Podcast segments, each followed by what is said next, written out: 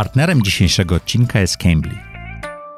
Gdy prowadzisz e-commerce, czas jest na wagę złota. Konfekcja, obsługa wysyłek i zwrotów to nieodłączna, lecz czasochłonna część Twojego biznesu.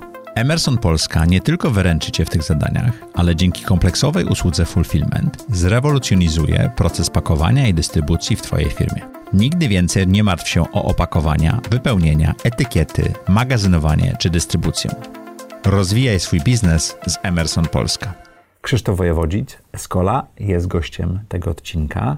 Pasjonat szachów, człowiek, który zajmuje się e-learningiem, naukowiec, przedsiębiorca z przypadku, rozwija kolejną firmę, pracował w Ministerstwie Edukacji, robi rzeczy na swój sposób. Ja nawet nie wiem, czy potrafię go określić, ten sposób. Jak posłuchacie, to zobaczycie. Robi, robi rzeczy dlatego, że go napędzają. Robi rzeczy dlatego, że jest ciekawy tego, co jest za horyzontem czy za zakrętem. Bardzo ciekawa rozmowa, pełna historii, pełna odniesień do różnego rodzaju e, sytuacji w życiu Krzysztofa. Ja się z niej bardzo dużo nauczyłem. Partnerem tego odcinka jest Entrepreneur Organization, EO. E, Krzysztof jest e, członkiem tej organizacji, także też bardzo dużo mówiliśmy o tym, jak działa Mastermind czy Forum i co dla nas dwóch ono znaczy. Zapraszam Was na tą ponadgodzinną rozmowę. Już teraz. Zaprojektuj swoje życie. Zapraszam Was do mojej autorskiej audycji Zaprojektuj swoje życie. Przedstawiam osoby, które podjęły nietuzinkowe wyzwania życiowe i biznesowe. Rozmawiamy o tym, co nas napędza i dokąd zmierzamy. Historie opowiadane przez moich gości zainspirują Was do świadomego i odważnego projektowania swojego życia. Witajcie w audycji Zaprojektuj swoje życie. Jak co tydzień, w czwartek o czwartej, zapraszamy dla Was interesujących gości, zadajemy im trudne pytania, szukamy tego, co ich napędza i na jakich zakrętach życiowych wyszli z tego albo wypadli krzaki. Jeżeli jesteście tutaj pierwszy raz, koniecznie dajcie nam lajka, zostawcie suba, a jeżeli nie byliście jeszcze na Zaprojektuj swój biznes, to tam jest konferencja, którą odpalamy w kwietniu. Zaprojektuj swój biznes.pl, łamane przez konferencja. Zapraszam Cię serdecznie. Będziemy mówili o budowaniu firm i o tym, jak znaleźć ich wzrost. Partnerem dzisiejszego odcinka jest EO, czyli Entrepreneur Organization, czyli organizacja zrzeszająca na całym świecie przedsiębiorców, a nasz gość opowie o tym po, potem trochę więcej. Krzysztof Wojewodzic, Escola. Cześć Maćku. Ty też prowadzisz swój podcast. Tak, Escola Mobile. I o czym on jest? Początkowo pierwszych 10 odcinków nagrałem sam. Sam, opowiadałem o technologiach mobilnych, no ale po 10-20 odcinkach stwierdziłem, że to jest trochę nudne. Fajnie, żebym zaprosił różnych gości, więc zapraszałem osoby, które zajmują się na przykład mobilnym game developmentem mhm. albo jakimś aspektem, jak sprawić, żeby więcej było pobrań Twojej aplikacji. Czyli bardzo techniczny podcast. Tak. Pierwsze, powiedzmy, do 40-50 odcinka był bardzo techniczny. No ale to również się wyczerpało i zacząłem zapraszać osoby z mojej branży, Tomka Karwatkę, ludzi z Microsoftu, mhm. żeby opowiadali, czym jest rynek IT. I to niesamowicie się e, przyjęło. Cały czas jesteśmy w top 10 tych podcastów technologicznych. No i ja to prowadzę na zasadzie, co ja bym chciał od, od tych ludzi się dowiedzieć. Bo ja cały czas chcę się doskonalić. Czyli ty wyciągasz wiedzdę pod pretekstem nagrywania podcastu. Dokładnie, ja wyciągam wiedzę. Zupełnie tak jak ja. Ja ale... wyciągam wiedzę, a przy okazji ludzie tego słuchają. Okej. Okay. Okej. Okay. No dobra. Krzysztofie, e, zaraz opowiemy o twoim podcaście więcej, o, i o więcej, o twojej firmie więcej, ale dwa pierwsze pytania. Jak do tej pory wyglądało projektowanie twojego życia? No, zaczęło się od tego oddzielenia się wiedzą. Okej. Okay. Podobno chciałeś zostać nauczycielem. Tak, ale zanim właśnie zacząłem dzielić się wiedzą, ja byłem takim naprawdę bardzo zdolnym dzieckiem. Takim, jakich wielu rodziców, w tym moi, sobie wymarzyli. Miałem 4 lata, nauczyłem się grać w szachy, mając 6 lat przywoziłem już medale, mając 9 lat przywoziłem już medale z międzynarodowych czy europejskich mistrzostw, czy matematycznych, Sam się czy w szachy?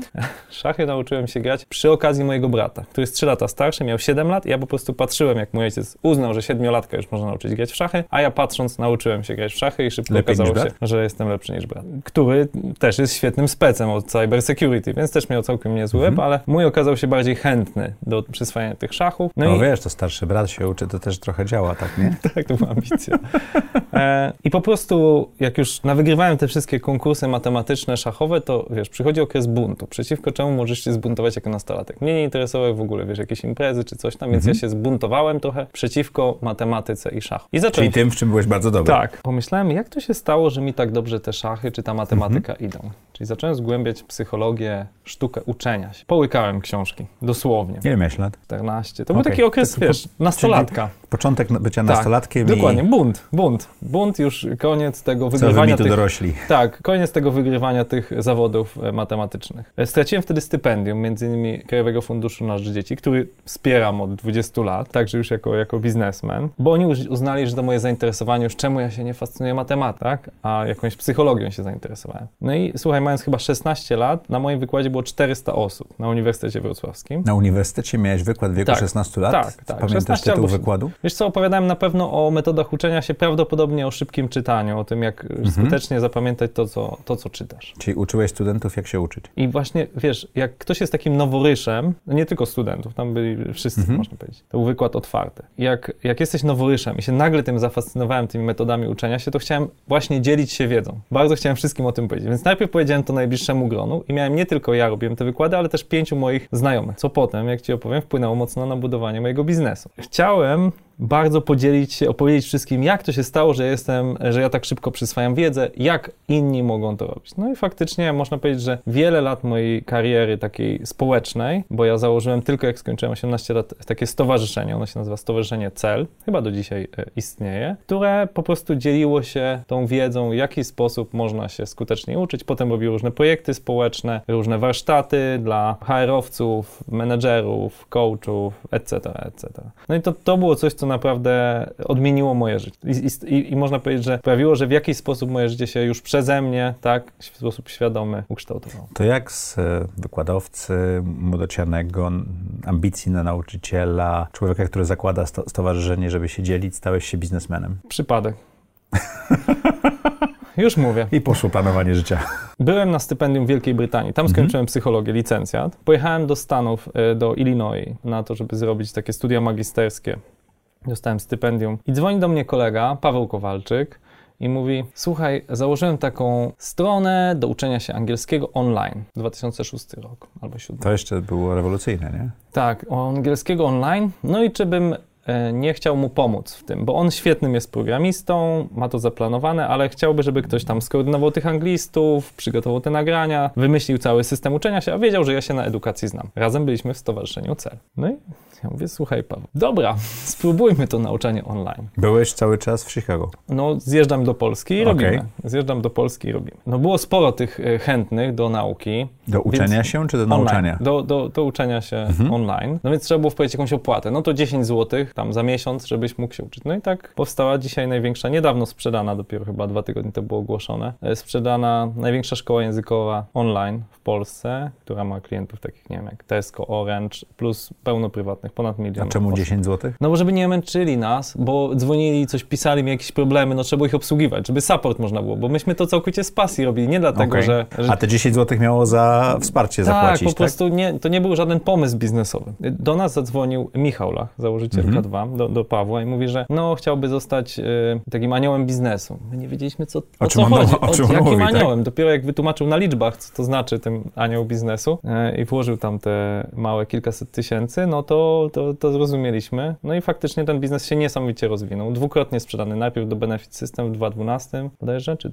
A czemu dwukrotnie? No bo potem odkupiony. Tak, potem odkupiony i teraz znowu sprzedany. A to jest, to jest ciekawe, to, mhm. to, to, o tym opowiemy więcej, mhm. bo nie ma dużo takich przykładów, ale zdarza się, że założyciele mhm. widzą więcej wartości mhm. niż firma, która kupiła i są w stanie odkupić taniej i znowuż tą wartość zbudować. W tym wypadku drożej o 50%, warto podkreślić, została odkupiona. Okej, okay. ale... Znam takie historie, że 50% taniej kupowali, bo ktoś, kto tak. kupił, nie poradził sobie z biznesem, ale wrócimy do tego. Tak, ale ja chcę powiedzieć, że ja oficjalnie nie byłem udziałowcem nigdy tej spółki, chociaż uważam, że ona mnie biznesowo wypyna. Miałem tam obiecane jakieś udziały na kartce papieru. Nie dostałeś ich nigdy? I mm, już mówię. Umówiliśmy się, że dostanę udziały w spółce córce, ponieważ z Pawłem Kowalczykiem umówiliśmy się, że ja zrobię taki spin-off dla dzieci. On się nazywał mhm. Fun English. Ja do dzisiaj, jak sprawdzisz, jestem autorem pierwszego w Polsce online'owego podręcznika. Mhm. Wówczas w 2011 roku był wymóg, żeby podręczniki cyfrowe mogły być, ale muszą być na płytce CD. A nasz podręcznik był całkowicie stroną webową. Więc nagraliśmy taką płytkę, która Jedną. pani w ministerstwie jest przechowywana do dzisiaj w archiwach ministerstwa, nie tak daleko stąd, na Szucha. Jak wkładasz ją do czytnika CD, to ona odpala stronę internetową funenglish.pl, łamane na podręcznik. I nic więcej ta płyta nie robi. Czyli no, ma program egzekucyjny, który odpala tak. browser, który wchodzi na tą stronę i wygląda jakby było, tak? tak? Dla pani jest na płytce podręcznik. To jak to było z tymi udziałami? No i właśnie, i tam dostałem 100% udziałów i proste polecenie. Słuchaj, znajdź inwestora, bo mamy tam 750 tysięcy e, finansowania, zresztą ze słynnego programu 8.1, mhm. na którym psy się wieszają. To i Lang Media, i moja spółka Fan Media z tego skorzystały i na pewno w podatkach wróciliśmy wielokrotność tego e, wkładu państwowego. No i moim inwestorem pierwszym został Bartek Postek, który miał dosyć przedsiębiorczego ojca, który obiecał mu mieszkanie. Powiedziałem, Bartek, po co ci to mieszkanie? Kup sobie połowę mojej firmy.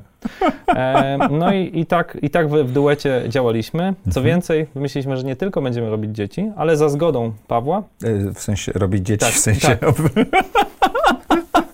nie tylko będziemy robić programy dla dzieci, bo wtedy odkryłem, że lejek konwersji e, w projektach dla dzieci. A już wiedziałeś, co to jest lejek konwersji? Nie wiedziałem tego, okay. ale jakby wiedziałem, zrozumiałem mechanizm. Jest zupełnie inny dla dzieci, bo dziecko nie ma karty kredytowej i potrzebuje zgody rodzica. I wielokrotnie na saporcie słyszałem takie rozmowy: Już nic więcej nie kupię, ty tego nie używasz. Bo wiesz, musi być dziecko rodzic. chciało, tak, a rodzic nie płacił. A rodzic nie, albo odwrotnie, rodzic zapłacił, a dziecko się nie, tym nie bawiło. Mhm. I ten lejek konwersji właśnie zmieniał się o grube kilkadziesiąt procent, co sprawiało, że to się niezbyt opłacało. Ale Czyli biznes się nie spinał. Zupełnie. Ale to, co zauważyliśmy, mimo że był globalny i, i, i, robiliśmy to zgodnie ze sztuką, to po prostu się nie spinał poprzez ten jeden więcej kroczek konwersji, czyli mhm. tatuś albo mamusia muszą A to była dobra lekcja. I wymyśl... Ale to, co zauważyliśmy, to, że chętnie robią te zajęcia dla dzieci dorośli. Wiesz, my tam mieliśmy jakieś gry, wyliczanki, śpiewanki, gry, bardzo dużo gier. Dorośli sami się z tego uczyli? Tak. Ale skąd wiedzieliście, że to są dorośli? Domyślaliśmy się tego.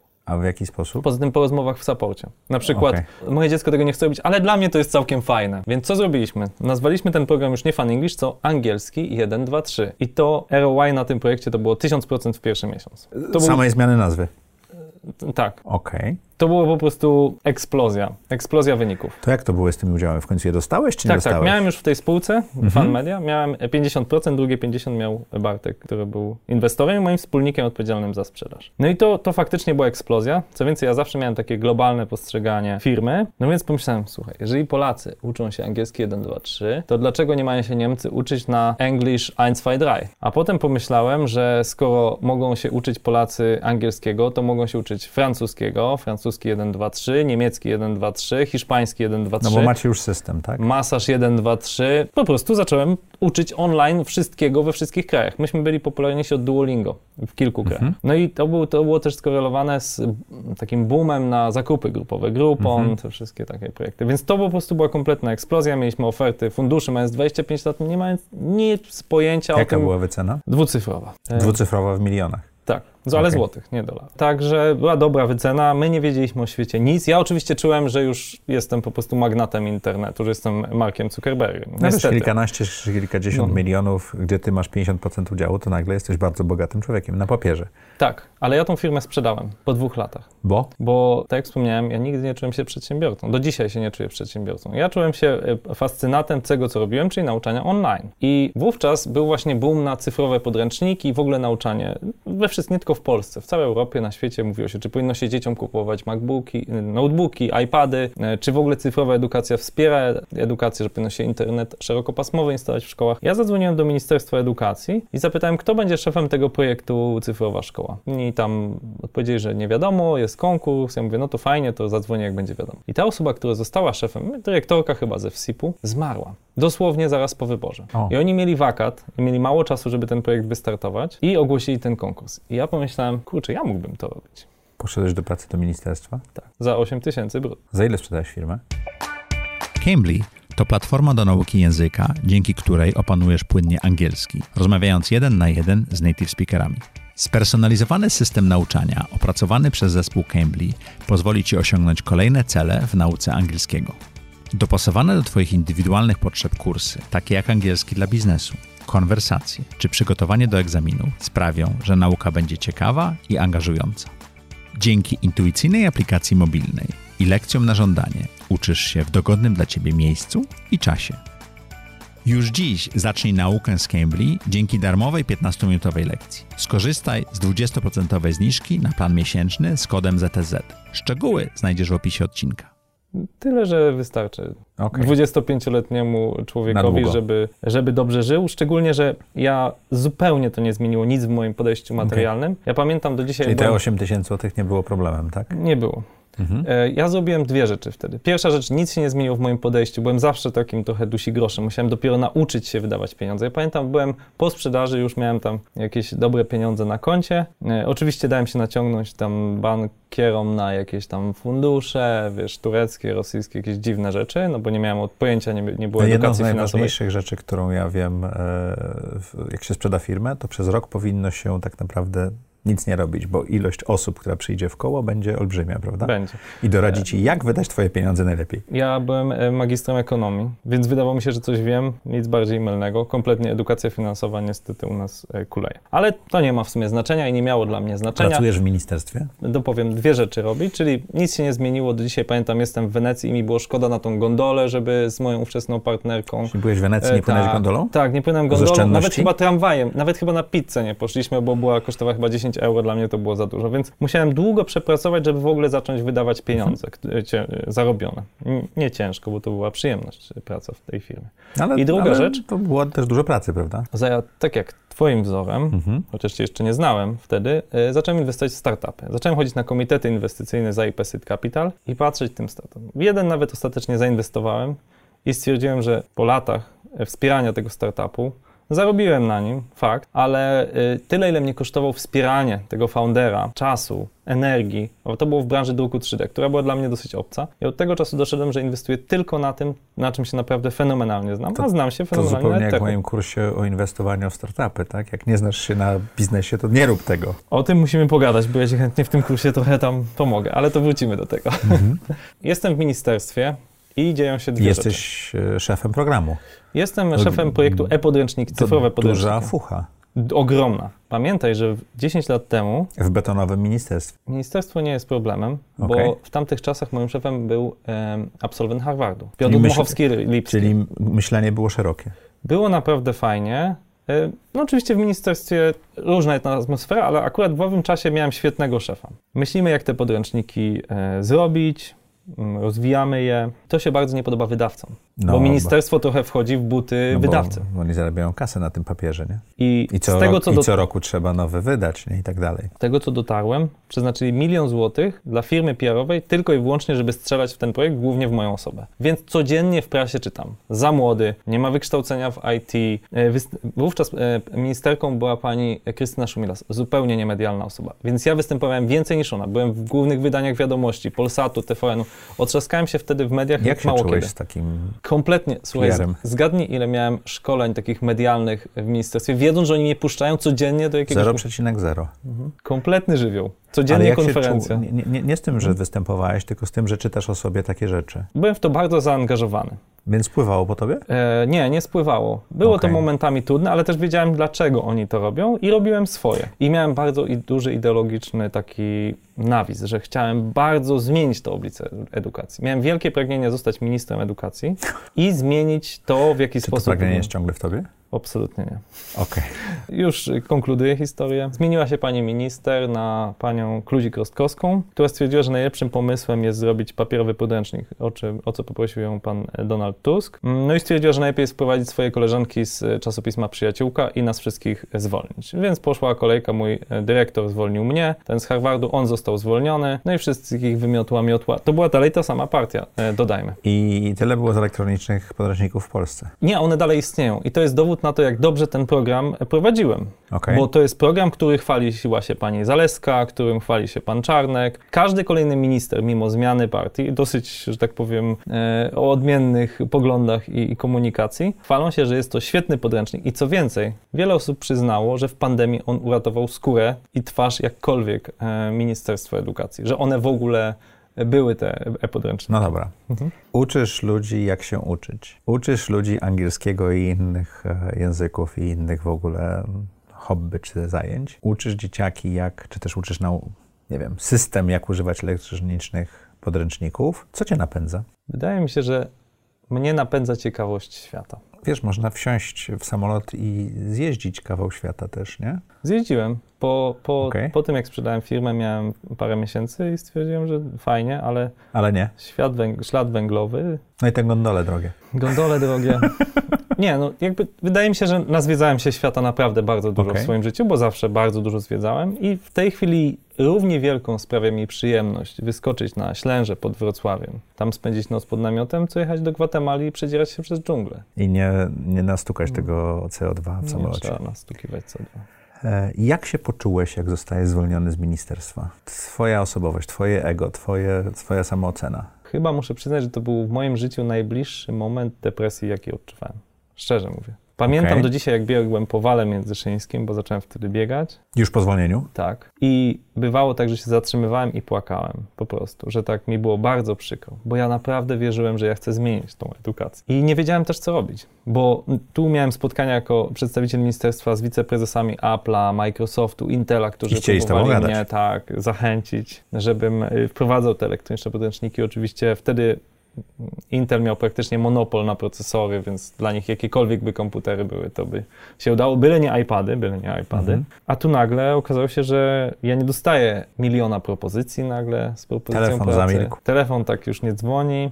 E, Startup już sprzedany. Co ja właściwie mam robić? I naprawdę Ile miałeś lat? 26, 7. To, to, to młodo, żeby z tak dużego stołka spaść. To tyłek musiał zaboleć. I wiesz, i jeszcze nie mam motywacji finansowej specjalnie, pamiętaj, bo, No bo masz kasę, masz kasę ze sprzedaży biznesu, tak? Czyli Tak. Nie, nie masz tego, że do pierwszego nie starczy jeszcze. Tak. Więc jakby rob, zaczynam robić to, co robi większość osób w kryzysie wieku średniego, zaczynam się bawić w triatlon. A to tak 10 lat za szybko, tak? Zaczynam, tak, tak, jakoś 10 lat za szybko, zaczynam, wiesz, terapię, zaczynam się zastanawiać nad swoim życiem i ponownie przypadkiem znajduję nową pracę. Ile to trwało, ten okres Trzy takiego miesiące. szukania? Tylko trzy miesiące, Tak, to ale to jest, to jest dużo. Nie pracujesz 3 miesiące i się zastanawiasz, co właściwie masz robić, nie masz potrzeby No mi to zajęło ze. 3 lata, także wiesz... e, Okej, długo. Dla mnie Trzymajmy się wersji, że... Może, może to było więcej. Trzy miesiące na pewno szukałem, a potem... Do... No ale to nieważne. Chciałem coś spokojnego.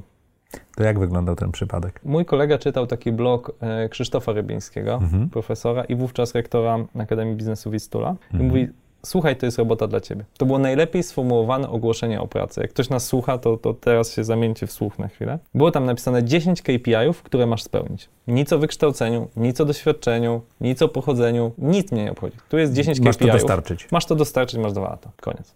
10 punktów. W Wistuli. Mhm. A co to była za pozycja? Tam dyrektor e-learningu. Wziąłeś? Byłem zafascynowany tym. Mówię, W ogóle to jest genialne. To jest faktycznie dla mnie, bo to kolega... Wzięli cię? Tak. Po dwóch i pół miesiąca rozmów. A czemu tak długo? No to musisz ludzi z Wistuli zapytać. Tam właścicielami byli wówczas Turcy i oni mają bardzo ciekawą e, metody pracy i zupełnie inną kulturę. To było fascynujące doświadczenie kulturowe. Ja już tu opowiadałem trochę o Samsungu, jak to się różni w koreańskiej kulturze, ale nie znam tureckiej kultury. Opowie, bo super Na przykład- ciekawy Na jestem. przykład dostajesz na, pytaniu, e, na e, pytanie na rozmowie rekrutacyjnej, czy wiesz, jaka była rola Maryi w Biblii i w kulturze islamskiej? Normalnie jako pytanie. Umiałem odpowiedzieć, bo akurat interesuję się trochę religią. Mhm. Byli zdziwieni, że wiedziałeś?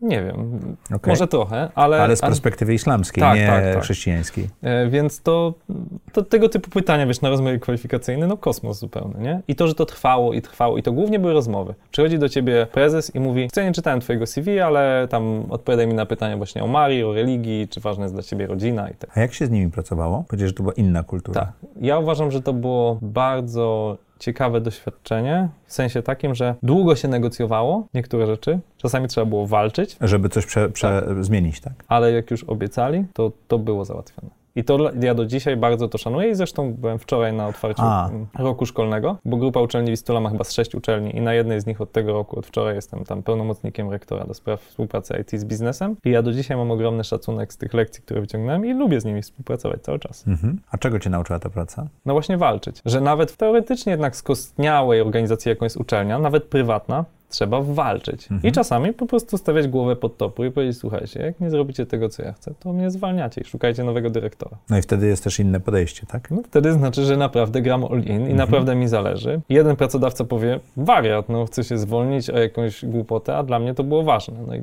przez to, że ja miałem, dość szybko sprzedałem tą firmę, miałem komfort i ekonomiczny i takiej satysfakcji. Ja dość szybko stwierdziłem, że no ja już zawodowo osiągnąłem to, co wiele osób chciałoby w życiu. No sprzedałem firmę, tak? Okej, ja już udowodniłem, że ja zawodowo się spełniłem. Teraz to ja czerpię z tego przyjemność. Więc jeżeli nie chcą mnie na tej uczelni, Mhm. bo nie uważają tego za istotne, to niech mnie zwalniają, proszę bardzo. Czułem się dość pewny siebie. A to daje ci Mhm. olbrzymią moc sprawczą wtedy, prawda? No tak, słuchaj, ta, te studia online, które my wytworzyliśmy na grupie uczelni Wistula, to jest teraz tak, że tu jest numer jeden, potem jest długo, długo nic, Tam jest ponad tysiąc studentów uczących się online. W tej chwili na niektórych kierunkach, typu nie wiem, zarządzanie, to jest więcej osób uczących się online Niż offline. niż offline. A pandemia to, to w ogóle był Mhm. kosmos, nie? Także to, te studia to jest ogromny sukces, bo na większości uczelni e-learning jest postrzegany jako koszt. A ja im Że trzeba powiedziałem... mieć i tak dalej, tak? No, no bo wiesz, koszt platformy, koszt tej obsługi tego. Wykładowcy podchodzą jak do jeża, no bo to jest dla nich tylko niepotrzebna dodatkowa praca. A ja powiedziałem, słuchajcie, to dla was będzie czysty zysk. Ja wam pokażę PNL-a. Tu macie w Excelu przychody, bo to są studenci online. Każdy z nich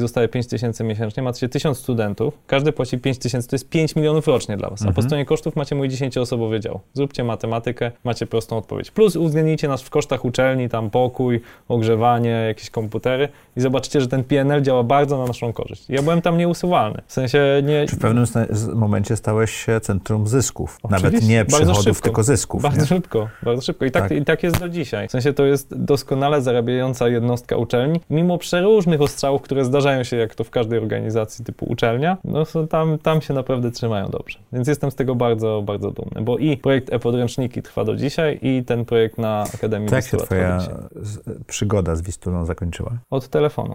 Telef- Kolega zadzwonił, kolega napisał. Dokładnie tak było. Zadzwonił do mnie Rafał Zarowski. Mhm. Teraz to jest dosyć e, znana osoba, bo on niedawno tam wygrał chyba ze 100 milionów na spekulacji na giełdzie. Mieszka Mhm. na Złotej tam na tym. Mhm. I on do mnie zadzwonił i mówi, Krzysiek, słuchaj, chcę sprzedać Eskolę. Bo ja bym się chciał zająć tą spekulacją, a tu mam ten software house, to mi tylko zaprząta głowę. Dobra, Rafał, spotkajmy się. Dwa tygodnie później. Ale on dzwonił do ciebie, żeby tobie sprzedać? Tak, tak, do mnie zadzwonił. A skąd się znaliście? No, z konferencji edukacyjnych. On, on się udzielał tam w dwóch na dwóch, trzech konferencjach się spotkaliśmy. A chciał ci to sprzedać, bo jemu to przeszkadzało. Tak, tak, defocus. Dobry był- biznes, ale defokusujący. Tak. Tak, on jest, nie był to dobry biznes. W momencie sprzedaży to był tragiczny biznes. To była pięcioosobowa firma. No, no więc zadzwonił, ja powiedziałem, dobra, biorę. A jak się dogadaliście? Bardzo szybko. Ale na pieniądze, czy na earnout, pieniądze, czy... pieniądze plus earnout, czyli był fix, y, chyba bodajże to było około 200 tysięcy plus 12 miesięcy maintenance'u z obecnych klientów. Koszt utrzymania z tych klientów, którzy byli. Czyli on jeszcze dostawał po 12 miesiącach jakieś Tak. pieniądze za to, Dokładnie. ile tam tego Dokładnie. było. No i po prostu siedliśmy, to było Czyli tak, to, nie była, to nie była droga transakcja. pięcioosobowy software house. No ja rozumiem. Maciek. To jako to kupiłem dla referencji. A, Bo tam był, wiesz, tam był Citibank, tam był Orlen, tam był, wiesz, ale to był zwykły nazwy. software house. Tak, tylko z długą historią. On robił, wiesz, Getin, robił... I, I było oprogramowanie do e-learningu, które Mhm. okazało się kompletnie archaiczne, więc je pogrzebałem od razu. Okej. Mhm. Ale software house to jest coś zupełnie innego niż edukacja. Tak. To jest trochę blisko body leasingu, nie? No, projekty robisz i tego typu Mhm. rzeczy, no ale tam masz Mhm. marżę na projektach i tak Mhm. dalej. I czemu się na to zdecydowałeś? Wydawało mi się, że chcę spróbować jeszcze raz jakiejś nowej przygody biznesowej. A, Kończyłem już doktorat e, Okej. wtedy. No i było tak, kończę doktorat, już ten triatlon, e, pełny dystans Ironmana zrobiony. E, Pracowałem chyba wtedy w, BCG, miałem tam, wiesz, takie życie. e-learning zrobiony y, na Wistuli, tak? Tak, i learning zrobiony. Zresztą Zarabia. Ja się umówiłem od pierwszego dnia na Wistuli, że przychodzę 4 dni w tygodniu. A potem się umówiłem, że przychodzę 3 dni w tygodniu i te 3 dni głównie siedziałem na Tinderze, bo taki był wtedy czas w moim życiu. No i a wszystko super chodziło. No to on dzwoni, mówi, że ma taki pomysł. No i od początku I on nie, nie chodził super. No tak. I I, to po- było pewno trochę kuszące? Wiesz co, on, Rafał Zorowski ma taką magię mm, opowiadania o rzeczach, że to był pięcioosoby software house, ale ja myślałem o tym, że ja kupuję NetGuru. Naprawdę, jakbyś zaprosił tu Rafała Zorowskiego, to No dobrze. Więc ja miałem wrażenie, że kupuję NetGuru. Poszedłem na imprezę, to też jest świetna historia. Poszedłem na imprezę, mówię... E, Już pyta- jak kupiłeś? e, już byliśmy blisko kupienia. E, kolega pyta, no Koton, co tam słychać, bo tak nam nie mówił. Kolega, którego spotkałem na Kubie przypadkiem, w czasie tam jakiejś podróży. Koton, co tam słychać? Ja mówię, a Software House kupuję. A on, tak, mogę kupić, bo ja sprzedałem pole kapusty na Wilanowie, mam trochę gotówki. Zostanę twoim wspólnikiem. Mówię, a co ty umiesz? Wiesz coś o IT? Nie, ale umiem sprzedawać. On pracował w banku jako Mhm. tam relationship manager. Super. Dzwoni do mnie następnego dnia. Słuchaj, bo ja mam takiego szwagra, on jest w IT, on będzie naszym CTO. Więc dokładnie tak wyglądał zakup Escoli. Tak Kompletny spontan, kompletny spontan. Ale nie znaliście się. Nie, no znałem na Kubie. Znaczy ze szwagrem CTO się nie znałem kompletnie. Raz Ale usiedliście porozmawiać o tym, jak chcecie biznes prowadzić w wartościach? Czy, Słuchaj. czy ta transakcja była na tyle mała, że to nie miało To znaczenia? była mała transakcja. Okej. I ten e, Przemek, który wówczas był główny dowodzący, ja też powiedziałem, że ja będę part-time, bo jeszcze miałem wtedy fuchę w BCG, świetnie zarabiałem, to było też bardzo e, Też rozwijające robisz zdarzenie. e-learning BCG. No, takie digital transition Mhm. robiłem, powiedzmy. Stwierdziłem, że to będzie taki świetny part-time job właśnie, jak BCG się skończy, bo wiedziałem, że to będzie krótki projekt, tam 10-miesięczny, to akurat wrócę wtedy i się tym zajmę, a Przemek w tym czasie to jakoś spróbuje rozkręcić, zobaczymy, co będzie. On się, on kupił ze mną Eskolę, która zajmowała się jednak głównie aplikacjami mobilnymi i się dowiedział poza, po transakcji, że istnieją dwa systemy operacyjne, Android i iOS. On nie wiedział tego? Nie. Okej. A jaki telefon miał? Androida. Okej. Więc słuchaj, to było, no mówię ci, jak teraz to opowiadam, to się wydaje śmieszne. I pierwsze dwa lata Escoli były faktycznie e, takie dosyć latami stagnacji. I Ale dokładaliście do biznesu? Oczywiście, że tak.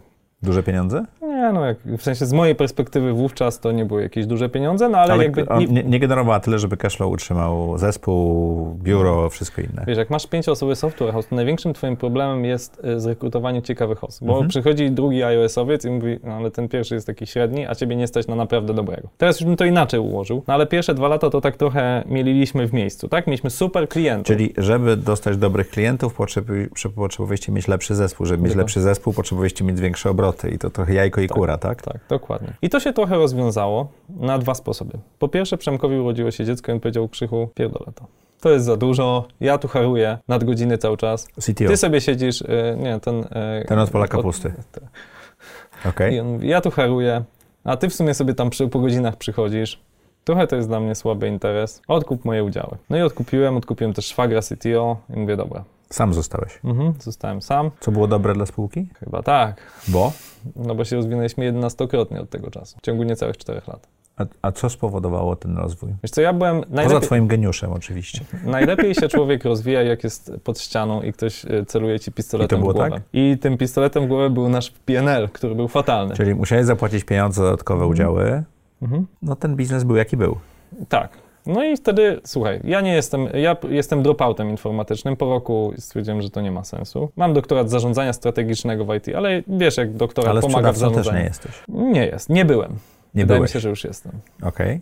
No i stwierdziłem, dobra, co ja właściwie umiem? To co umiesz? Opowiadać historię. No to słyszymy. I w 2017 roku i spotykam Arka Regieca, Mhm. który na konferencji Impact w Krakowie mówi, hej, jest coś takiego jak crowdfunding udziałowy, można zyskać do 100 tysięcy euro, będziesz miał wielu wspólników, będzie fajnie. Ja usłyszałem z tej wypowiedzi tylko 100 tysięcy euro. Które potrzebowałeś na rozwój spółki. Dokładnie. I Mhm. wychodzę do rynku i mówię, słuchajcie, będzie fajnie. Teraz jest do dupy, ale będzie fajnie, firmę wyceniam tam na 7 milionów. I pierwszemu, komu to mówię, jest Witold Orłowski, któremu już ostatecznie rzucam kwitami na uczelni. On jest wtedy rektorem. Mówię, e, panie profesorze, panie rektorze, ja odchodzę już definitywnie z uczelni, nawet te 2-3 dni nie będę przychodził. On mówi, a, a co to za spółka? Ja mówię, no Escola, Software House, trochę EdTechu i robimy teraz kampanię crowdfundingową. Mówi, a ile potrzebujecie? No 400 tysięcy. Dobrze, to daję 100 tysięcy, dzwonię do trzech kolegów, mamy 400 tysięcy, jaki problem? Ja mu powiedziałem, żeby nie dzwonił do tych kolegów, bo ja chcę mieć rozproszony akcjonariat, ale jest naszym pierwszym inwestorem, włożył 100 tysięcy, żeby Jedną gotówki. czwartą, jedno, bo wtedy to ograniczenie na Tak. crowdfunding było dużo większe. Teraz to jest Tak. milion euro, tak? Tak. A niedługo będzie 5 milionów euro. Dokładnie. Okej, czyli mi- pierwszy inwestor, któremu opowiedziałeś historię, Mhm. Od razu zainwestował, ale też cię znał. Tak, on przede wszystkim mnie znał, I cenił wiedział, mnie jako potrafisz. pracownika i wiedział, że będę e, gryzł glebę, żeby Mhm. to się udało. No i faktycznie e, wrzucił 100 tysięcy euro, plus wrzucił rzecz dużo cenniejszą. Jak robisz kampanię crowdfundingu, mówisz, hej, jestem Krzysztof, mam 30 lat i zrobiłem jeden exit, o którym nikt w sumie nie pamięta. To jest trochę inaczej niż jak opowiadasz, cześć, jestem Krzysztof, mam firmę, której szefem rady nadzorczej jest profesor Witold Orłowski. Okej. Błyskawicznie zdobyliśmy te, te pozostałe 300 tysięcy. I ja zacząłem opowiadać historię, czyli opowiadać, że ja buduję firmę tak in public. W sensie jadę na konferencje, tutaj coś innego robię. I faktycznie, Z tego się wzięli klienci? i faktycznie z tego przyszli pierwsi klienci, plus od naszych akcjonariuszy, Mhm. którzy powiedzieli, dobra, uwierzyłem w jakąś firmkę, zainwestowałem tam, nieważne, 1000 zł, 5000 zł i teraz masz zlecenie informatyczne, komu ją dasz. Na firmie, którą zainwestowałem, tak? I naprawdę ze 30% naszych pierwszych Czyli zleceń... wbrew pozorom crowdfunding udziałowy, oprócz finansów, które pewno mógłbyś sam pokryć, jakbyś się uparł, e, dał ci e, dobry marketing do rynku, tego rynku marketing B2B. i klientów, faktycznych klientów. No Nasz największy klient w tej chwili to jest ktoś przyniesiony przez naszego akcjonariusza. Okej. Klient, który zostawia, nie wiem, około 2 milionów złotych. No i to tak kula się rozwinęła. Czyli Kolej- warto było zrobić Kolejną rundę zrobiliśmy w 2019, Też y, crowdfundingową? też w crowdfundingu, też na Bizfundzie. Mhm. I jeszcze jedną, już taką przedgiełdową, w 2021, już taką dużo większą na, na wyższej wycenie. I za każdym razem dostawaliśmy e, nie tylko pieniądze, ale i świetny marketing. I Escola faktycznie ma, uważam, to jest jej taka cecha wyróżniająca do naszej skali, tak? Do naszej skali, bo my jesteśmy stuosobową firmą w tym momencie. E, uważam, że mamy naprawdę świetny marketing, ale też z przyznawaniem się do jakichś rzeczy, które nam się nie udały, tak? Nie wiem, typu niektóre spółki, córki, które, w które zainwestowaliśmy, nam się nie udało. Ja o tym transparentnie też, e, też mówię. Powiedziałeś magiczne słowo, Rada Nadzorcza, które zawsze mnie interesuje. Bardzo wiele spółek w ogóle o tym nie myśli, a ty dość szybko w Escoli postanowiłeś mieć Radę Nadzorczą. Z czego to wynikało? Z twoich doświadczeń, czy z tego, że znalazł się taki inwestor, czy z czego? Żeby wejść na crowdfunding, trzeba mieć e, Spółkę radę, akcyjną. spółkę akcyjną, czyli radę nadzorczą. Więc po raz kolejny przypadek, Okej, ale, ale nie zrobiłeś Rady, bo okej, można zrobić Radę Nadzorczą, która jest, no, no wydmuszką, no ładnie wygląda, no, ale nic wiesz, nie mając robi. profesora Orłowskiego, ja nie mogłem tam wsadzić swojego kuzyna, cioci i babci, nie? Trochę to by było bez sensu. To jak pracujesz z Radą Nadzorczą? Bardzo dużo zawdzięczam mojej Radzie Nadzorczej. Naprawdę bardzo dużo. Opowiedz. Jak zaczęła się pandemia, tak, nagle zamykają nas. Ja w tym momencie mam zmiany życiowe prywatne, bo mam żonę w ósmym miesiącu i się przeprowadzam po ośmiu latach mieszkania z War- w Warszawie do Wrocławia, więc dzieje mi się tyle na głowie. W czasie pandemii. w czasie tego, gdzie naprawdę jest lockdown, ten marcowy, Mhm. a w tym momencie ja nie wiem, czy ja mam spółkę zamykać, zmniejszać, zwiększać, inwestować, to ja mam co dwa tygodnie radę nadzorczą i mi dostarcza profesor Orłowski najnowsze dane z rynku ekonomicznego. My wiemy, jak mamy postępować. My rozmawiamy na ten Czyli temat. masz te długie światła włączone i widzisz, co się będzie działo na Absolutnie. rynku za miesiąc, za dwa, za trzy, tak? Mam dyskusję z Sebastianem Kwaśnym, który dwie spółki wprowadził na giełdę I, i oni mi radzą, co mam w tym momencie robić. Czy kupować spółki, skoro jest tanio, jest okazja, Mhm. czy zwijać się w e, skorupkę ślimaka i Przetrwać. czekać przetrwanie. Wybraliśmy tą pierwszą opcję i to w dużej mierze zawdzięczam poradom Rady Nadzorczej. Czyli wzrost, y, kupując mniejsze spółki, mniejsze software houses, zrobiliście sobie wzrost w tym Dokładnie. czasie. Ogromny. No, Za niewielką, znaczy relatywnie mniejszą inwestycją, tak? Dokładnie. Okej. No, także dużo zawdzięczam Radzie. W czasie pandemii, wiesz, kiedy nagle pierwszy raz stykasz się z taką sytuacją, potrzebujesz y, wsparcia osób mądrzejszych, bardziej doświadczonych od ciebie. Ile osób jest w Radzie? Pięć. I wszystkie są udziałowcami? Tak, i mają ponad 10, no w tej chwili razem z Marcinem to ponad 25%, także ogromny Mhm. udział jak na Radę Nadzorczą. I, i Czyli faktycznie... ta Rada nie jest niezależna w pewnym sensie. Jak są udziałowcami na takim poziomie, Tak. to W tym miesiącu, w październiku, miałem dwie rady nadzorcze, gdzie rozmawialiśmy o cashflow w związku właśnie z recesją, z jakimiś tam zmianami. jak się przygotować? Tak. I w wakacje mieliśmy dwie całodzienne spotkania, no nie z wszystkimi członkami, ale Mhm. takie warsztaty strategiczne, więc wiesz, oni, oni nie dostają wynagrodzenia. Oni mają udziały, więc są zmotywowani, żeby spółka wzrastała. My rośniemy około 80% rok do roku, więc no w pewnym sensie im się to zwraca, ale nie mają tak, że no 1000 zł za spotkanie Rady Nadzorczej, bo co ja mam dać Marcinowi Kuśmierzowi, który ma, wiesz, asety warte kilkaset milionów, tysiąc złotych? Mhm. Jak dobrałeś e, tą Radę Nadzorczą? Wiesz co, pierwsza, pierwsza wersja Rady Nadzorczej to, było, to były osoby, którym po prostu ufałem, uważałem za moje autorytety biznesowe, tak? A ona się nieznacznie zmieniła w ciągu tych czterech lat, ale mm, drobne zmiany były takie, że właśnie wszedł Marcin i wykupiliśmy jednego z członków. I to też było ciekawe. Ktoś odchodzi z Rady Nadzorczej, to skupiłem wszystkie jego akcje, nie? Mhm. Sprawa czysta, tak? Że, że wszyscy faktycznie jako akcjonariusze pracujemy, czy jesteśmy w Radzie, czy w zarządzie. Słuchaj, chciałem porozmawiać o IO troszeczkę. Entrepreneur Organization. Ja jestem w IPO, ty jesteś w IO, dwa lata już. Mhm. Co ci to dało, że przyłączyłeś się do takiej organizacji? Co było zaskoczeniem? I, I na czym polegają takie rzeczy? Ja o YPO dość dużo rozmawiałem, a IO jest pewną e, nową organizacją na polskim rynku, ale nie nową na świecie. Ja może powiem, co mi, co mi to dało, co mi Mhm. dało IO, ale też co realnie zmieniło w moim życiu. Tak poproszę. Poznałem ludzi, którzy powiedzieli, słuchaj, jest taka, taka sposoba, żeby zrobić taki exit operacyjny, ale bez exitu finansowego. Czyli jesteś współwłaścicielem, Mhm. ktoś inny zarządza spółką, Mhm. a ty czerpiesz z tego korzyści No finansowe. Tak, no NetGuru tak zrobił Wiktor Mhm. Schmidt z Kubą, tak? I, i, ale poznałem to z bliska, tak? Osób właśnie w IO, które tak zrobiły. Więc to był taki realny impact na mój biznes. I na ciebie.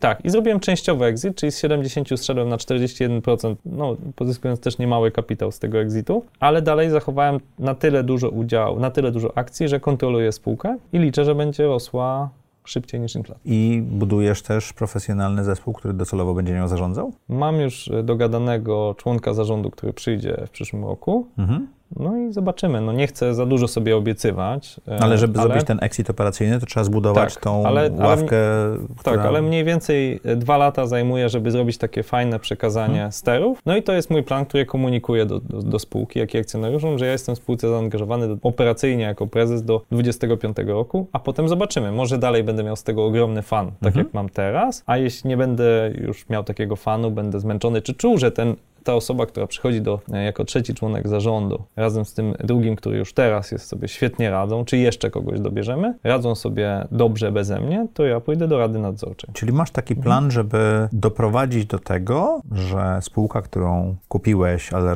dwa razy kupiłeś e, i rozwinąłeś, będzie twoim zabezpieczeniem e, majątkowym na przyszłość, ale operacyjnie nie będziesz się w nią angażował. Tak. Czyli będziesz tak jak trochę miał w Wistuli, że będziesz najpierw przychodził cztery dni, potem trzy dni, potem dwa dni, a potem Dokładnie, dokładnie.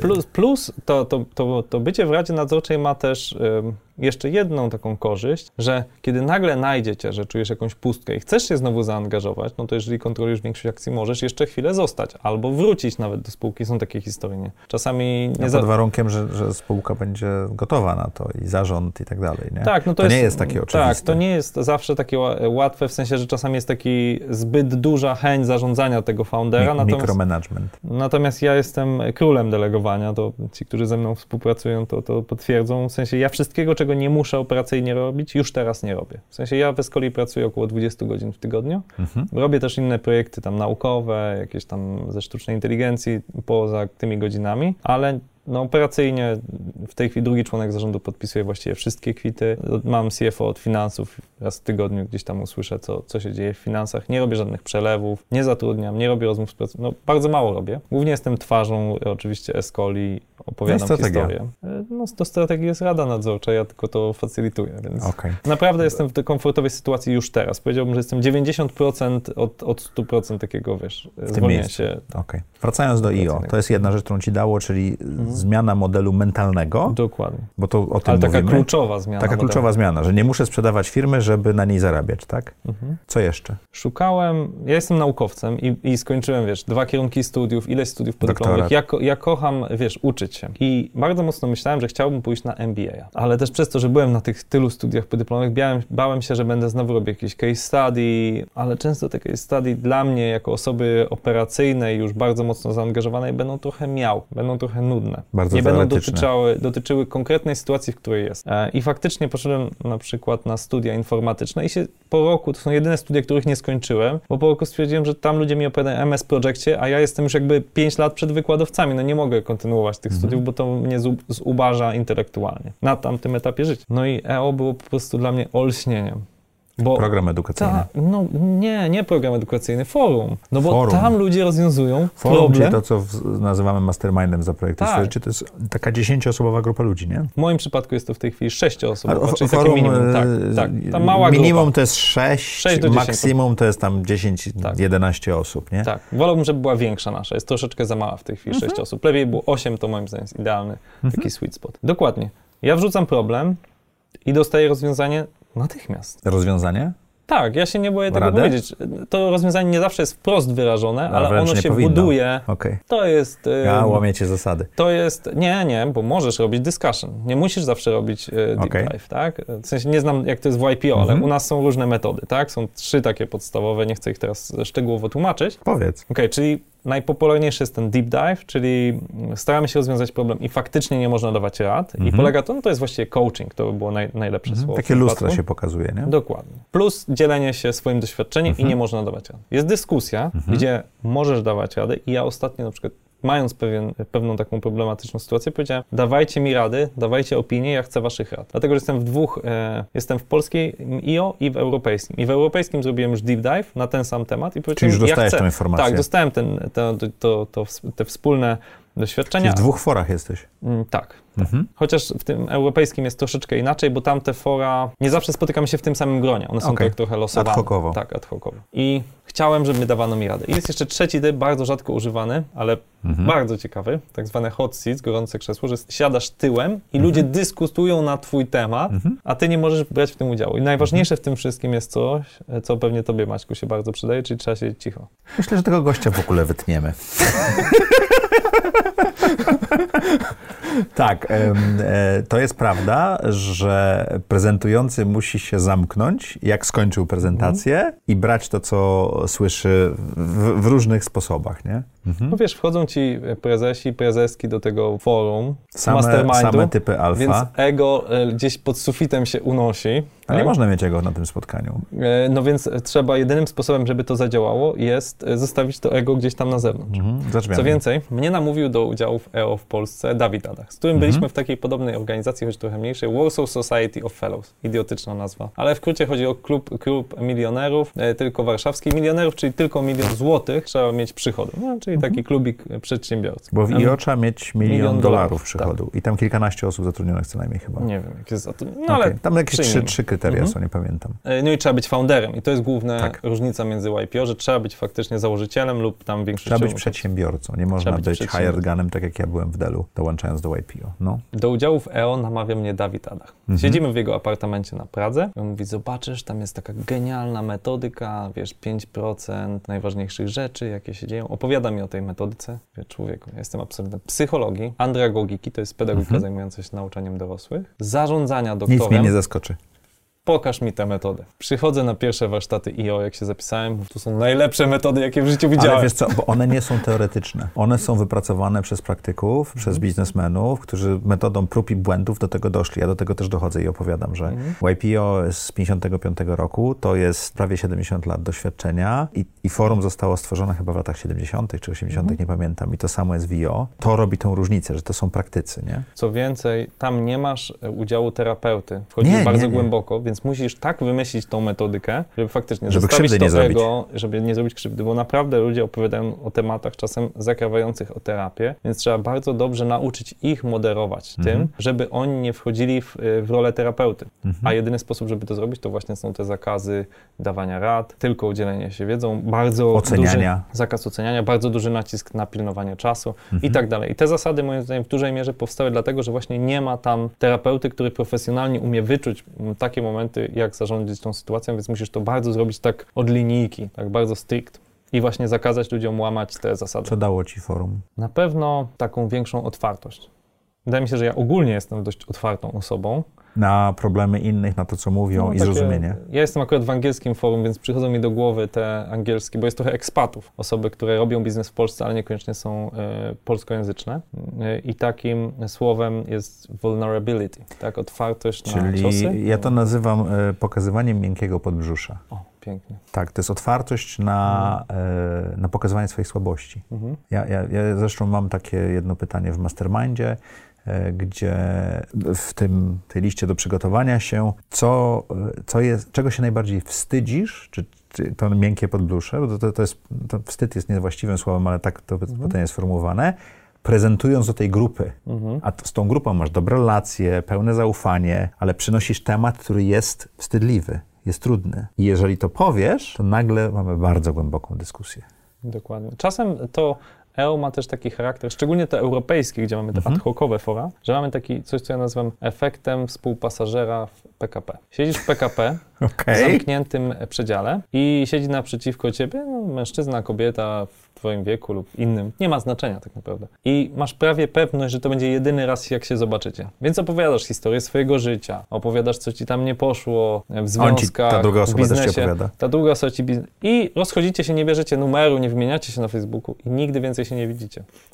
I te, ten efekt. Co to daje? No to, że jesteś otwarty. Wiesz, ta osoba nigdy, wyspowiada cię i nigdy więcej cię nie, nie oceni cię przez to, tak? Mhm. E, nigdy więcej temu nie powie nikomu, bo najwyżej zna twoje imię, tak? Więc to, jest, to daje niezwykłą możliwość... A miałeś już taką sytuację, bo ja już parę razy miałem, że spotykasz e, członka IO czy YPO na lotnisku, czy w hotelu gdzieś za granicą i ta rozmowa od razu robi... Nigdy nie widziałeś tego człowieka, od razu robi się inna. Mam takie coś, ale dzięki EO często mam tak, że właśnie ten... Korzystam nadal mimo tych cyfrowych światów, że ludzie siedzą w telefonach i, czy słucham audycji. Ja nadal często rozmawiam z ludźmi w PKP o życiu. przedziale. Okej. Dzisiaj też rozmawiałeś, jadąc tu? Dzisiaj spałem. Okej.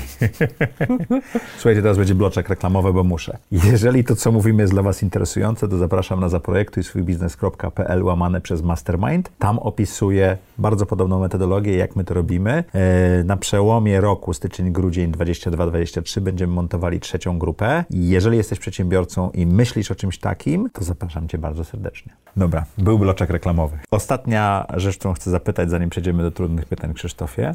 Co Ciebie w tej chwili napędza? Bo to mówiłeś, co Cię napędzało, jak miałeś 25-26 lat, jak robiłeś tą zmianę, dlaczego wszedłeś w eskolę, jak ją rozwijasz.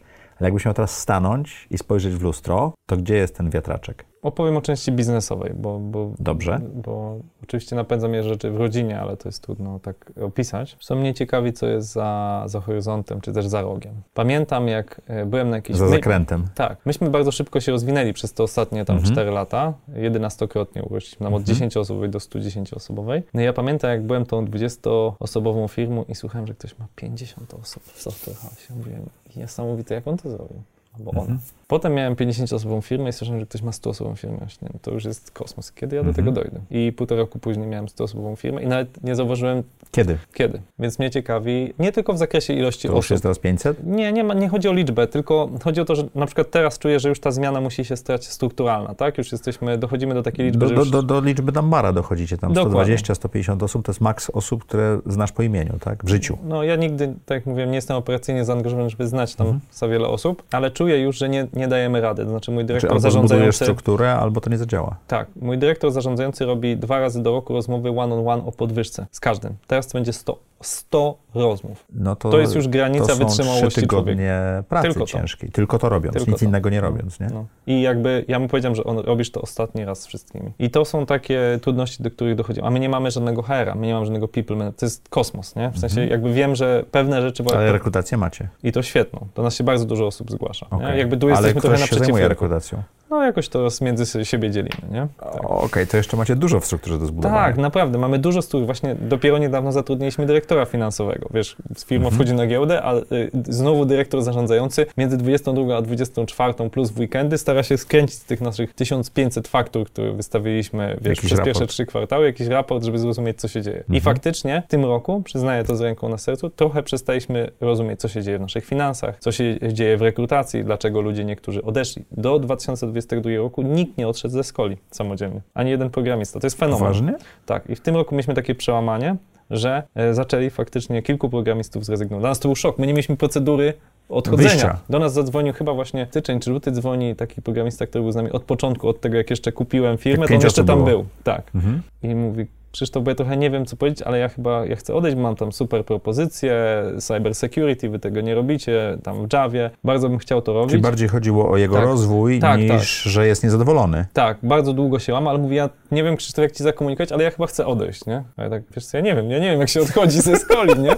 Bo, bo to Bo nas nikt nie odchodzi, osobą, nie? tak? I faktycznie teraz w tym roku zwolniło się tam, nie wiem, trzech czy czterech programistów i Co musimy... i tak jest ma- malusieńką liczbą Ca- jak na cały firmę. czas jest mało, ale wiesz, jakby, no to jest, jak firma rośnie, się dobrze Mhm. rozwija, jest taki dobry hype i w miarę rynkowo płacisz, to, to, to, to, to nie jest nic nadzwyczajnego. Mm, bo ludzie czują taki, wiesz, że, Mhm. że ciąg, ciągniemy, też mogą awansować, bo się struktura poszerza i tak. E, No ale musimy właśnie takie wszystkie rzeczy małe pouzupełniać, właśnie Mhm. zatrudnić jakiegoś people managera, określić przede wszystkim je stanowiska. Także jest, właśnie mnie ciekawi, jakie są te kolejne etapy, bo pamiętaj, ja jestem e, doktorem zarządzania strategicznego i od początku mój plan był taki, że ja chcę być strategiem Mhm. bardzo dobrym i im większa jest firma, tym dla mnie to jest ciekawsze, bo ja się uczę też, jakby mogę tą wiedzę, Mhm. ja, ja, pisałem doktorat z modeli biznesowych w IT, ja mogę bardziej swoją wiedzę taką teoretyczną przekuć na spółkę i ja się śmieję z siebie, jak wielką trudność na przykład zajęło mi sformułowanie misji, wizji firmy, mimo że Mhm. zajmuję się strategią, bo teoria, praktyka to tak nie zawsze. A czytałeś Blitzscaling? E, chyba nie. To jest bardzo dobra książka o Mhm. właśnie szybkim wzroście, Mhm. ale tam jest Mhm. y, rozdział lub nawet da, dwa właśnie opisujące, jak organizacja zmienia się, jak jest 20 osób, 50 osób, Mhm. 100 osób, 200 osób. Opisane jest, co jest potrze- o- z punktu widzenia Mhm. orgu, nie z punktu widzenia finansów, Mhm. rekrutacji, tylko jakie funkcje i jaki sposób myślenia założycieli jest potrzebny na każdym z tych etapów. Bardzo Ci Mhm. polecam. Tu gdzieś pewno jest to po, po tym. Mhm. Po audycji Chętnie. może się wymienimy. No wiesz, ja tutaj korzystam też z wiedzy Rady Nadzorczej, bo oni prowadzili często dużo większe organizacje. Ja po prostu muszę, jestem ciekaw, jak pytałeś, Ale co ty- mnie napędza. Ty, ty szybko Jestem- czytasz, to wiesz, przeczytasz tą książkę w, w drodze do, do Wrocławia. Nie, naprawdę, bo to ja, Tak. ja wierzę, że większość książek mogłaby być dobrym esejem, nie? I to tak jest, No szczególnie jest, tych jest, dobrych. ja czytam większość książek biznesowych na Blinkliście. Czytam No. je w 20 minut. Szczególnie, że większość tych książek ma 300 stron i faktycznie mógłby być esejem. To tą bym przeczytał w całości. Jeśli mam być szczery, Mhm. ona jest bardziej dla biznesów software'owych i tak dalej, w sensie budujących swój własny produkt, ale to na spokojnie. No dobra, czyli to, co za horyzontem. Mhm. To za horyzontem e, jest ten moment, kiedy zadajemy trudne pytania. Mhm. Jesteś gotowy? Nie. To zapnij pasy. Zawsze chciałem, żeby ktoś powiedział nie, udało mi się. Zapinam. To nie ma tak, że, że nie, nie- ma tak, że boli, jak to mówi mój To jest, trener. to jest dziwne pytanie, czy jesteś gotowy? No nie, nie jestem gotowy, nie jestem gotowy, naprawdę, ale co możemy zrobić? No mamy 10 pytań, nie jest Okej. tak źle. Jak słuchasz audycji, to pewno jest nasz. Czy możesz opisać najlepszą decyzję, jaką podjąłeś w życiu? Jest to trzecia randka moja i mojej żony. A czemu akurat trzecia? Trzecia, w ogóle trzecie spotkanie. Aha. E, Pierwsze było tak, się poznaliśmy u znajomych, potem byliśmy w górach, bo ja bardzo kocham góry. I trzeci raz jesteśmy na kajakach. Trzecie spotkanie w życiu. Tylko mieszkam w Warszawie, ona we Wrocławiu, więc widzimy się i mówię jej, słuchaj, może byś ze mną zamieszkała. Myślę, że to była bardzo odważna decyzja moja, żeby jej to zaproponować i jeszcze odważniejsza jej, żeby przeprowadzić się z Wrocławia do Warszawy i zamieszkać razem przy trzecim spotkaniu e, w życiu. Okej. I ta decyzja ma impact i prywatny, i biznesowy. No i przeniosłeś się do. Wrocławia. No potem, ale Mhm. ona wtedy przeniosła się do Warszawy. A co daje ci najwięcej energii czy satysfakcji w życiu? Czerpię energię z natury. Wiesz, ja kocham bardzo góry, kocham rower, a jak nie mam na to czasu, to idę do parku z dzieciakami. Moje dzieciaki praktycznie wychodzą ze mną codziennie na świeże spacer. powietrze. Tak, na taki wielogodzinny spacer sobie chodzimy. Ale wiesz. wieczorem rodzicie coś takiego po robocie, po szkole? Po, zaraz po przedszkolu, no. Mhm. Po przedszkolu. Ich odbieram, jedziemy sobie do parku południowego albo na górkę skarbowców. Jak leje też? E, Jest jeszcze aquapark, ale ja, ja jeżdżę... Coś robicie razem? Ja codziennie ich zawożę e, rowerem i przywożę ich rowerem, więc wiesz, jakby my też cały czas w ruchu spędzamy. Rowerem z przyczepką? Mhm. Okej, Dwuosobowy. okej. A jak wygląda twój typowy dzień? No właśnie zaczęliśmy, zaczyna się- zawożę, odwożę? Tak, tak. Zaczyna się dość spokojnie, w sensie najpierw zabawa z dzieciakami. Zazwyczaj jak jestem w domu, to większość dni się y, rano nimi zajmuję. Chyba, że jestem cały tydzień, to się trochę z żoną zmieniamy, bo ona ma zasadę, że pierwsze dwa lata ona wstawała większość y, czasu, czy pierwszy rok, pierwszy rok chyba, no ale między nimi jest mały odstęp czasu, więc Mhm. ten. No więc teraz ja odrabiam, co Okej. jest myślę bardzo sprawiedliwe. Wiozę ich do przedszkola tam na dziewiątą, dziewiąta z minutami. Powoli zbieram się do pracy, ale nie, nie jestem taki, że od A o której ta doci- do, docierasz do biura? nie chodzę do biura. I, Znowu znaczy, pracujesz? docieram, moje docieranie do biura polega na tym, że wchodzę na, po schodach na strych, gdzie mam. I moja żona ma swoją pracownię, więc Mhm. pracujemy jakby sobie razem, choć robimy zupełnie inne rzeczy. Moja żona jest absolwentką informatyki z całą karierą korporacyjną, która od dwóch lat zajmuje się zawodowo malarstwem, zresztą Mhm. ze sporymi sukcesami. No i sobie pracujemy, e, gdzie moja praca jest bardzo spontaniczna i czasami praca polega na tym, że słucham twojej audycji, zaprojektuj swoje życie leżąc sobie na kanapie przez dwie godziny i sobie coś notuję. To jest praca? Albo tak, się uczysz, bo się nie jest? uczysz. A nie jest? Każdy definiuje pracę w Dla pewien sposób. jest. W sensie jakby oczywiście każdy projektuje swoją pracę, naj- taką jaką chce. Najgorszą Tak. częścią pracy jest siedzenie przed ekranem i klepanie w klawiaturę. I No, słuchaj, odpisywanie na durne maile to jest nieefektywna praca, tak? W sensie na takie maile niepotrzebne. A, a słuchanie i wymyślanie strategii firmy w oparciu o to, co mądrzejsi ode mnie mówią, jest ciężką pracą. Może tak nie wygląda, jak człowiek sobie leży na kanapie ze słuchawkami w uszach, ale jest naprawdę ciężką pracą. I to jest ważne, żeby sobie to zdefiniować. Więc tak jak mówię, bardzo różna praca. Czasem jadę sobie na rower w czasie dnia, e, czy poskakać, bo, bo, bo trochę skaczę na rowerze, czy, czy pobiegać w czasie Mhm. dnia. I Mówię, dużo pracuję koncepcyjnie, mam cztery półgodzinne spotkania w tygodniu tylko, takie statusowe. Trochę z klientami mam dzwonek. Także tak jak mówię, no taka rutynowa praca w Escoli, czyli te wszystkie maile, statusy, jakaś analiza jakichś najważniejszych umów, czy, e, czy, czy, czy, czy Exceli, to jest maksymalnie może godzina w tygodniu, może dwie. No a pozostała to jest właśnie praca koncepcyjna lub spotkania z klientami, czy rozwiązywanie jakichś najtrudniejszych tam konfliktów e, w firmie. Ale naprawdę mój zespół menedżerski uważam robi świetną robotę, żeby nic do mnie e, nieistotnego nie docierało. No i o 16 przywożę dzieciaki albo idziemy właśnie na spacer, gdzieś po, czy na aquapark, coś porobić takiego, bo ja bardzo lubię w ruchu być, uwielbiam. Potem mm, gdzieś dwa razy w tygodniu faktycznie pracuję jeszcze wieczorami nad jakimś projektem, czy jakimś tam tematyką taką bardziej bardziej naukową. To Dwa razy w tygodniu, bo? To nie zawsze. Czasem jest A, jeden tak dzień, wychodzi, czasem tak zero, wychodzi. czasem dwa dni w tygodniu, czasem jeden. E, Po prostu ale masz chę- wenę, po tak, prostu masz mam wenę. Bardzo opieram się na takiej właśnie wenie. Bardzo jest moja spontaniczna praca. Czasem pracuję cięgiem 12 godzin w pełnym skupieniu, a czasem godzinę może. Ale to, ja też mam takie momenty, że jak, a propos tego cięgu, że, że potrafię siąść na przykład do Excela i patrzę, 6 godzin minęło, a ja stworzyłem jakiś model biznesowy, który mnie aż zaskakuje, że tak wyszło, nie? A Mhm. czasami nie jestem w stanie siąść do ekranu. Rozumiem, też tak to kontrolujesz trochę, tak Znaczy, jak możesz. Ja poddaję się temu. Lubię się temu ponieść, temu flow. Ale nie masz Mhm. takich momentów w pracy, że musisz pewne rzeczy zrobić? Staram się właśnie tego unikać. No I to uważam za umowy przeczytać, uchwały przeczytać. Umowy czyta prawnik i drugi członek zarządu. On. Okej. Pracujesz w weekendy? Tak, jak mam ochotę. Nie, nie, nie dzielisz sobie tygodnia na dni, godziny i Daje tak dalej, na- tylko na, na W tym ja właściwie prawie, że ja trzy miesiące zimy praktycznie spędzam e, na Wyspach Kanaryjskich, więc e, wtedy opracowałem taki koncept już teraz dość popularny, wtedy dla mnie nowy, workation, tak? Czyli, że Mhm. pracuję tak jakby na, na zasadzie miksu wakacji i pracy, czy pracjacje po polsku. I powiem ci, że nie znałem tego Pracjację. słowa. i coraz częściej korzyst, jakby staram się myśleć, że mam pracjację cały rok. A dzieciaki chodzą wtedy lokalnie do przedszkola? Nie, Okej. Wtedy żona się zajmuje głównie, ale też mamy swoje sposoby, wiesz, teściowa, ciocia z Niemiec, moi rodzice i tak dalej. Czyli wynajmujecie jakiś dom i Dokładnie. ten. Mhm. No i, i A na której wyspie? No co roku inna. Okej, gdzie byłeś Mhm. ostatnio? E, Gran Canaria A w tym roku gdzie będziecie? Teneryfa. Okej.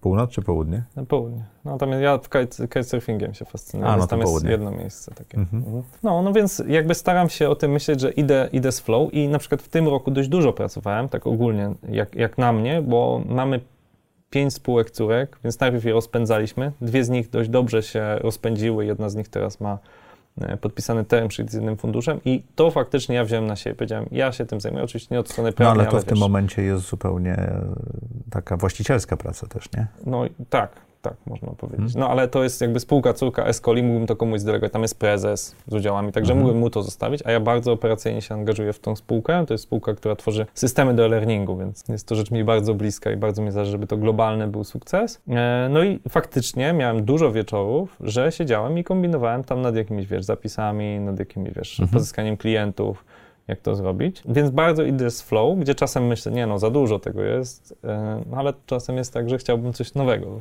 z kolei wprowadzić, coś, co mnie zafascynuje. I w Okej. ogóle podzielę się z takim konceptem, który usłyszałem mm, właśnie na IO, na jednym Mhm. z takich eventów learningowych e, od Garego Wajnerczuka. On ogólnie takim jest trochę hustlerem, nie podoba mi się, ale tam powiedział coś bardzo Ale mądrego. Ka- każdy ma jakąś mądrą myśl. Tak, i on powiedział, że side projekty, te takie małe projekty, które czasem nas odwracają, defokusują, są bardzo potrzebne, żeby dać nam energię do tej naszej głównej działalności. Czyli mnie ten e, projekt e-learningowy bardzo fascynuje i sprawia, że ja przychodzę ogólnie do pracy z nową energią, z nową fascynacją. No bo dobrze, pro- dobrze działający projektu. biznes jest nudny, a side projekty wprowadzają troszeczkę Ekscytacja. nie? ekscytacji. Dokładnie. No. Także myślę, że warto ten, ten side product, jeżeli cię naprawdę fascynuje. Ja jestem, no, pewnie widać w tej rozmowie, ja się fascynuję rzeczami. Jesteś pasjonatem, zawsze. pasjonatem robienia ciekawych rzeczy, Dokładnie. które Więc przy okazji są biznesami. czasem, ale jak mówiłem i to powtórzę jeszcze raz, ja nie czuję się przedsiębiorcą. Ja po prostu realizuję swoją pasję. Akurat w tym momencie, kiedyś najlepszym sposobem realizacji była praca w ministerstwie czy w BCG, teraz jest akurat biznes, bo to faktycznie daje dużą wolność. Nie? Czy jest coś, co mógłbyś ty przestać robić, Mhm. na co ty masz stuprocentowy wpływ? Wspomniałem, że jestem 90% do absolutu, jeśli chodzi o te operacje. Wiesz co, ja myślałem nad tym pytaniem i jest bardzo mało takich rzeczy, które mógłbym przestać robić, bo, Bo już je zrobiłeś. bo już większość z nich e, zrobiłem, naprawdę mam... I te 10% ma pewno wielką wartość, nie? ma wartość, no jest niezbędna uważam na tym etapie rozwoju spółki, sprawia mi jakąś przyjemność, plus jest potrzebne, żebym doceniał, wiesz, jakbyś dostał od swoich rodziców w wieku 20 lat Ferrari, to każde następne auto by cię mało cieszyło, nie? A jak dostaniesz pierwszej Opel Astra, a potem, nie wiem, Opel Vectra, a potem BMW, Potem no to dorobisz się Ferrari. Dlatego myślę, że to, że robię te rzeczy, które są operacyjne, ale robię ich relatywnie mało, to też jest takie, taka ważna e, rzecz. Jaką masz supermoc? Myślę, że moją supermocą jest właśnie to, że idę z flow i jak pracuję, to faktycznie mam ten flow w definicji tego psychologa węgierskiego Csikszentmihalyiego, czyli jestem bardzo skupiony i pracuję bardzo efektywnie. Przez to, że nie robię takich właśnie rutynowych rzeczy bez sensu. Czyli nie walisz y, rękoma bez sensu walcząc z prądem rzeki, tylko idziesz w, z, wzdłuż nim, a flow daje ci energię, nie, nie, tak? flow w sensie, że jest to, to ja są roz- rzeczy trudne, ale ja im jestem w stanie podołać. Jestem bardzo skupiony. Nie stosuję jakichś metod, jak niektórzy tam, wiesz, jakieś żeby się lepiej skupić, jakieś pomodoro, jakieś, wiesz, zjedz najpierw żabę. Ja po prostu robię rzeczy, jestem na tym maksymalnie skupiony, może bomba obok wybuchnąć. Nie zauważysz. I ja tego nie zauważę, ja to robię. I robisz tak długo, aż nie rozwiążesz tak, tego tak, zagadnienia. Bardzo często. I, I, robię to z wielką frajdą. Czasami oczywiście tłukę głową o mur lub mhm. też monitor, zależnie co jest bliżej ale jestem bardzo skupiony. Moja żona się śmieje, bo pracujemy w jednym pomieszczeniu, że ja mógłbym pracować godzinę zamiast ośmiu, bo ja tak efektywnie rozwijam te zadania.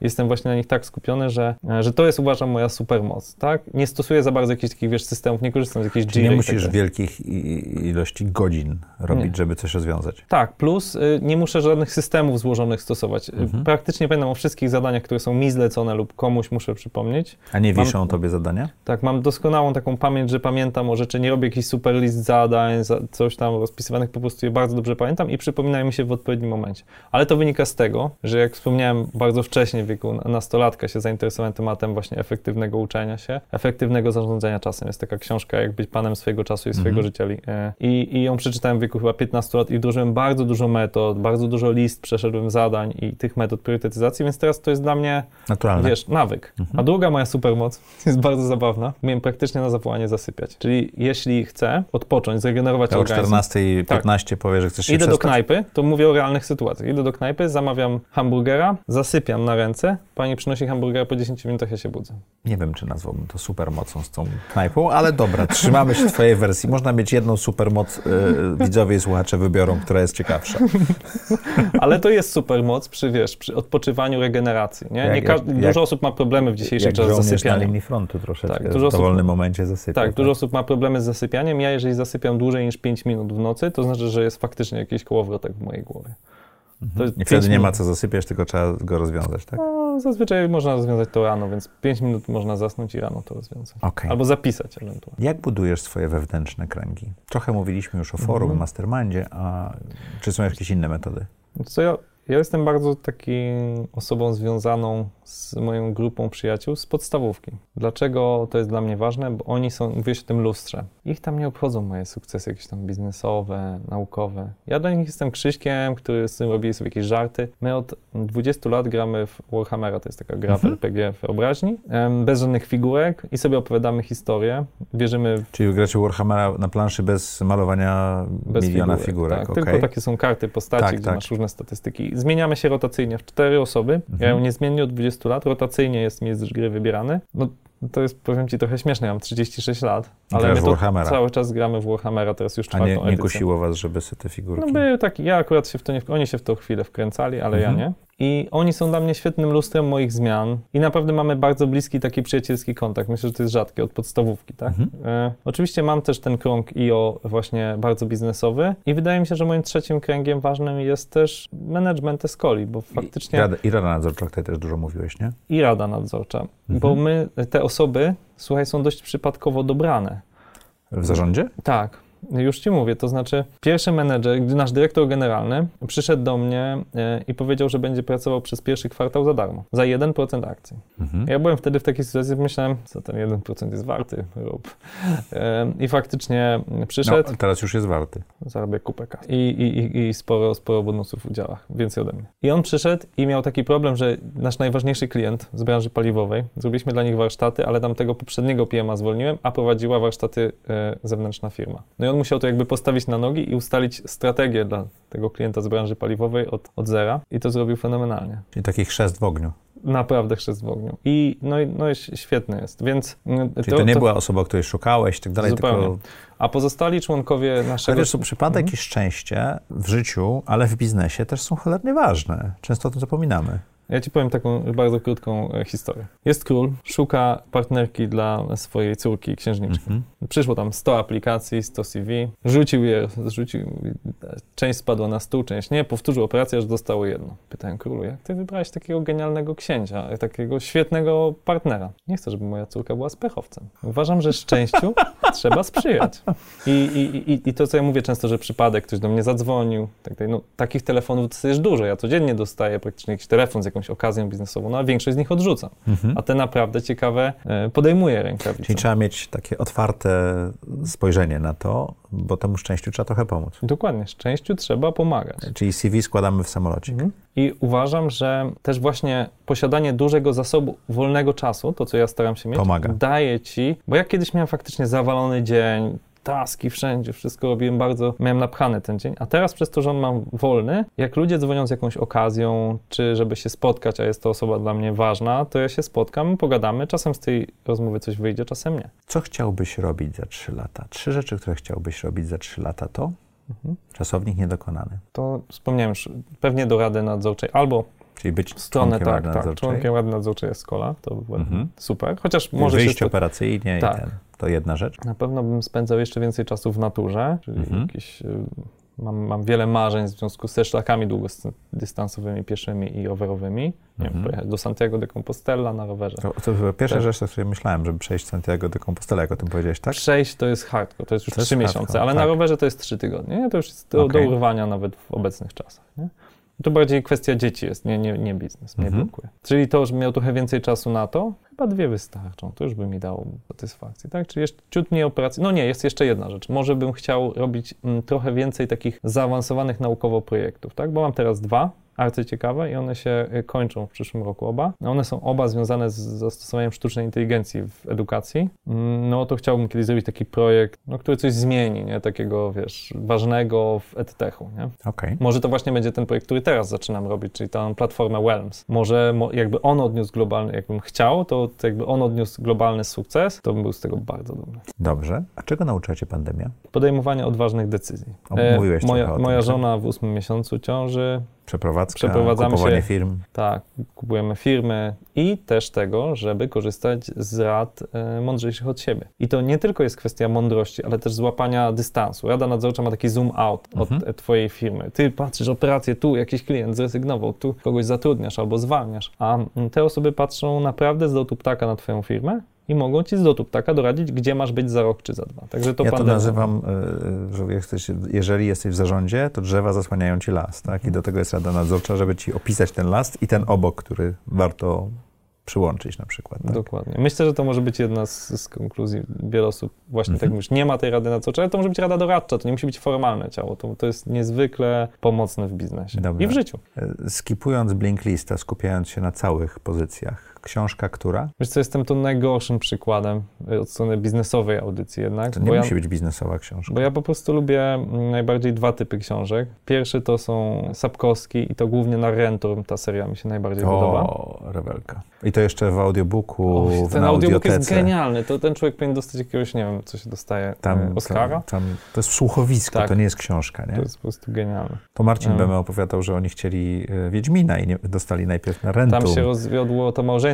które ma prawa do wydania, także na, wydaje trzy części z pięciu. Także no. wielka szkoda, to jest, to jest szkoda dla świata, mhm. naprawdę. Także tak, to fantastyka, ale bardzo określoną. Nie lubię na przykład science fiction. Próbowałem Gwiezdne Wojny, jakieś te Duny, ale fantazy takie właśnie w stylu Władcy Pierścieni. To polecę to ci jedno science fiction. Czytasz Bandena, Bandena Sandersona? Słyszałem, że to polecałeś, nie czytałem jeszcze. A to tego. całe jego e, fantazy jest rewelacyjne, ale ma też science fiction, który jest podobnym. E, mhm. To się Starlight nazywa, Detritus i tak dalej. Okay. Chyba z, z, z, z, takiego science fiction to jedyne chyba Metro 2030 mi się podobało. Jedyne, które mi w ogóle podeszło. To tak takie to no. mocne też, tak. No, a tak to drugi typ książek Zbliżamy to się są... do tej daty powoli, nie? Drugi typ to są, wiesz, Łukasz Supergan, Szlaki dystansowe Polski. To jest Karol Werner e, rowerem przez Polskę, nie? Okay. Ja czytam takie rzeczy i sobie podróżuję, może to śmiesznie brzmi, ja podróżuję w wyobraźni. Znaczy podróżuję też fizycznie sporo na rowerze czy pieszo. Ale możesz sobie ten szlak wyobrazić, tak? Tak, wyobrażam sobie podróży z nimi. Dużo też oglądam na YouTubie tych. Jest taka Agnieszka Zebra-Dziadek, która przeszła wszystkie najdłuższe szlaki długodystansowe z Ameryki. Każdy z nich po 4 miesiące chodzenia mhm. i ona wszystkie przeszła. Z plecakiem. Tak, mhm. więc to jest moja lektura. A są takie lektury, które z kolei dużo osób poleca, nawet twojej audycji, które mi po prostu doprowadzają do szewskiej pasji. To um, Hard Thing About Hard Things. Przeczytałem to i ta książka mnie zdenerwowała. Facet pisze o sukcesach biznesowych, a pisze, że nie miał czasu dla swojej żony. To jest kwestia wyboru. No to, to ja, to mnie denerwuje takie coś, bo często jest gloryfikowany taki hustlerizm. Oczywiście można, to, tam jest wiele mądrych porad, ale jak po prostu czytam niektóre te rzeczy amerykańskie, szczególnie gdzie jest właśnie tyraj, skaluj po prostu razy 100 co roku kosztem wszystkiego, to mnie to nie jest, uważam, e, zawsze dobry, dobry przykład. I niektóre rzeczy z tej książki ja na przykład robię odwrotnie. On mówi na przykład, menedżerowie powinni zwalniać. Ja zwalniam bez coli, jeżeli już muszę, bo ktoś, kto zwalnia, tego dnia ma straszny dzień. Zwalniałeś na pewno w swoim życiu. To jest potworne uczucie i ja te, to uczucie oszczędzam Zwalniałem moim menedżerom. Kiedyś w dwa dni 38% organizacji, kilkuset osobowej. No i jak się wtedy czułeś? Pip! Pomidor, tak? Tak, po, znaczy mogę wiele słów użyć, ale żadne z nich nie przejdzie i YouTube to wytnie, tak? Albo nam obniży zasięgi, więc pip jest dobrym słowem. Także ja staram się to po prostu zdejmować z barków, a on mówi, że oni powinni zwalniać menedżerowie. No Okej. więc mm, mówię, niektóre książki, no nie wiem, ten czterogodzinny tydzień pracy, chyba tak to po polsku brzmi. Fajna, inspirująca książka. Pierwsza tylko, że, połowa. tylko, że Tim Ferriss jest gościem, który pracuje po 16 godzin dziennie, nie? więc tak po prostu czasem jest takie, taka dychotomia we mnie się włącza, że trzeba to naprawdę e, z głową czytać. Nie, nie miałem tak, taki tekst, którego w końcu nie napisałem, może w przyszłym roku napiszę a propos wakacji. Jest, e, zapomniałem nazwisko, francuski filozof, który zadał takie pytanie, jeżeli drzewo spadnie w lesie, to czy wydaje dźwięk i, nikogo nie Mhm. było, żeby słyszał, Mhm. e, to czy wydało dźwięk, nie? Mhm. Ja mam taki tekst w głowie, który muszę siąść kiedyś napisać. Em, Jeżeli byłeś na wakacjach i nie ma twoich zdjęć na Instagramie, to czy byłeś na wakacjach, tak? Więc a propos tego. E, Krzysztofie, co chciałbyś, żeby widzowie i słuchacze audycji Zaprojektuj swoje życie zapamiętali z tej rozmowy? Ja myślę, że dwie rzeczy. Weź Mhm. radę nadzorczą i e, grupę doradców do swojej spółki, to ci pomoże, da ci wentyl bezpieczeństwa. Czyli te wewnętrzne kręgi y, Mhm. dla właścicieli zarządzających firm są też cholernie ważne. Dobrze to I- zrozumiałem? Mhm. I druga, miej czas na podejmowanie takich spontanicznych decyzji. Czyli zrób sobie wentyl, nie napychaj sobie dnia pod korek. korek, że jak pojawi się okazja, to ją dostrzeżesz, bo jak będziesz miał pod korek, nawet nie dostrzeżesz, nie odbierzesz ważnego telefonu, nie odczytasz ważnego maila, nie spotkasz się z osobą, która może właśnie dla ciebie ma świetną okazję, na przykład sprzedaż Escoli. I A miałeś czas wtedy, bo byłeś... miałem czas, dokładnie. Bo pracowałeś otwarty- 2-3 dni w tygodniu. Miałem otwartą głowę. Także zrób sobie trochę czasu, a zobaczysz, że świetne momenty przyjdą do twojego Super. życia. Dziękuję Ci ślicznie. Dziękuję. Dziękuję Wam jak co tydzień w czwartek o czwartej zapraszam do audycji Zaprojektuj swoje życie.